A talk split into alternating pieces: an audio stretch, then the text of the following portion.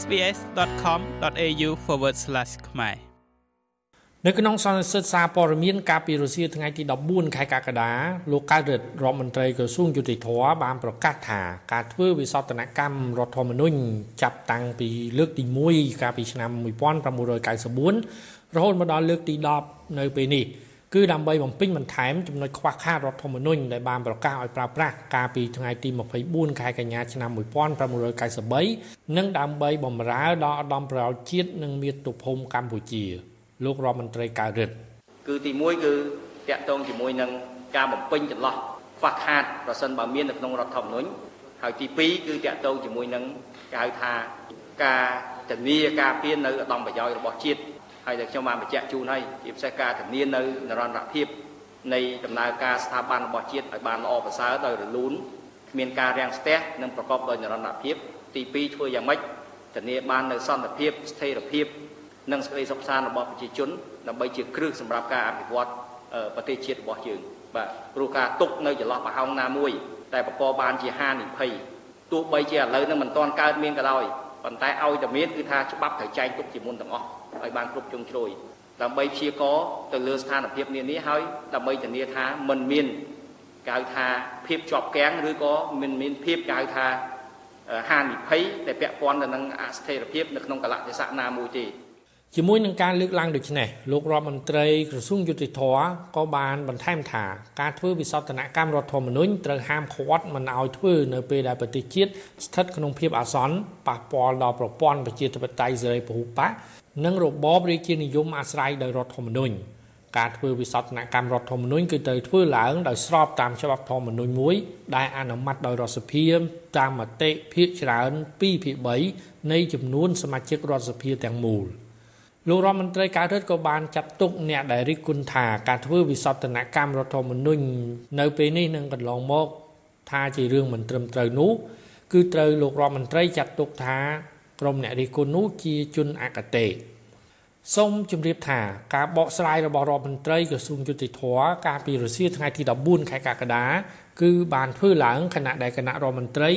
របស់ប្រទេសកម្ពុជាកាលពីថ្ងៃទី8ខែកក្កដាបានប្រជុំអនុម័តលើសេចក្តីព្រាងច្បាប់ធម្មនុញ្ញស្តីពីវិសោធនកម្មរដ្ឋធម្មនុញ្ញចំនួន8មាត្រារួមមានមាត្រា19ថ្មីមួយមាត្រា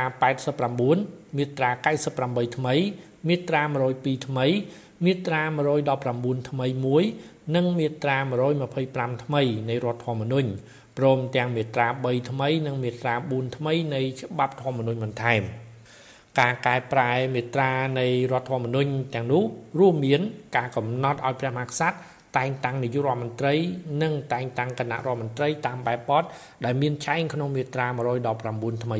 2ការកំណត់ចំនួនសមាជិករដ្ឋសភា1ភាគ10យ៉ាងតិចនៃចំនួនសមាជិកសភាសរុប125រូបអាចអញ្ជើញរាជរដ្ឋាភិបាលមួយរូបឬក៏ច្រើនរូប មកបំភ្លឺជូនរដ្ឋសភា ក្នុងនោះរដ្ឋសភាក៏អាចទម្លាក់សមាជិកគណៈរដ្ឋមន្ត្រីឬក៏ទម្លាក់រាជរដ្ឋាភិបាលពីតំណែង ដោយអនុម័តញត្តិបន្ទោសតាមសម្លេងឆ្នោតភាគច្រើនដាច់ខាត នៃចំនួនសមាជិករដ្ឋសភាទាំងមូល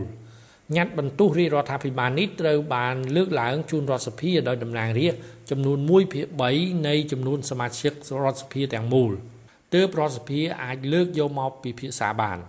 ក្រៅពីនោះទៀត ការកែប្រែរដ្ឋធម្មនុញ្ញនៅពេលនេះត្រង់មាត្រា125ថ្មីមួយក៏បានកំណត់ពីតំណែងនាយករដ្ឋមន្ត្រី នៅទំនេរជាស្ថាពរដោយហេតុមកពីការទទួលអនិច្ចកម្មឬការលាលែងពីមុខតំណែង គឺគណៈរដ្ឋមន្ត្រីថ្មីមួយត្រូវតែងតាំងជាបន្ទាន់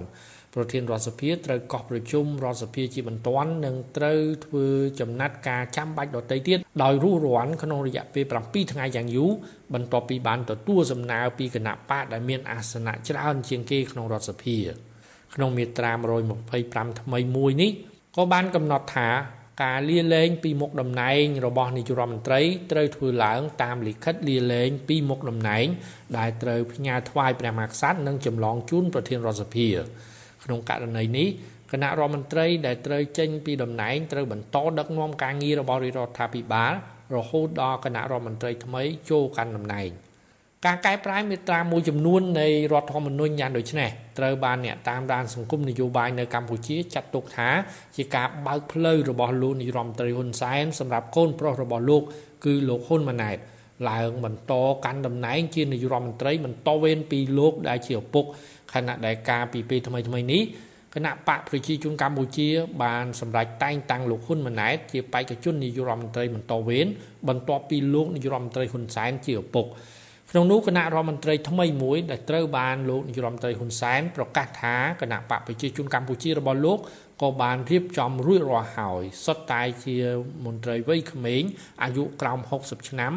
ដែលគណៈរដ្ឋមន្ត្រីថ្មីនោះមានកូនប្រុសរបស់លោកគឺលោកហ៊ុនម៉ាណែតជានាយករដ្ឋមន្ត្រី។នៅខែកក្កដាឆ្នាំ2023កម្ពុជានឹងត្រូវបោះឆ្នោតជ្រើសតាំងតំណាងរាស្ត្រនីតិកាលទី7បន្ទាប់ពីការបោះឆ្នោតនោះតំណាងរាស្ត្រនឹងត្រូវបោះឆ្នោតជ្រើសតាំងថ្នាក់ដឹកនាំរដ្ឋសភានិងរាជរដ្ឋាភិបាលដែលចេញពីគណៈបកជាប់ឆ្នោតមានសម្លេងច្រើនជាងគេ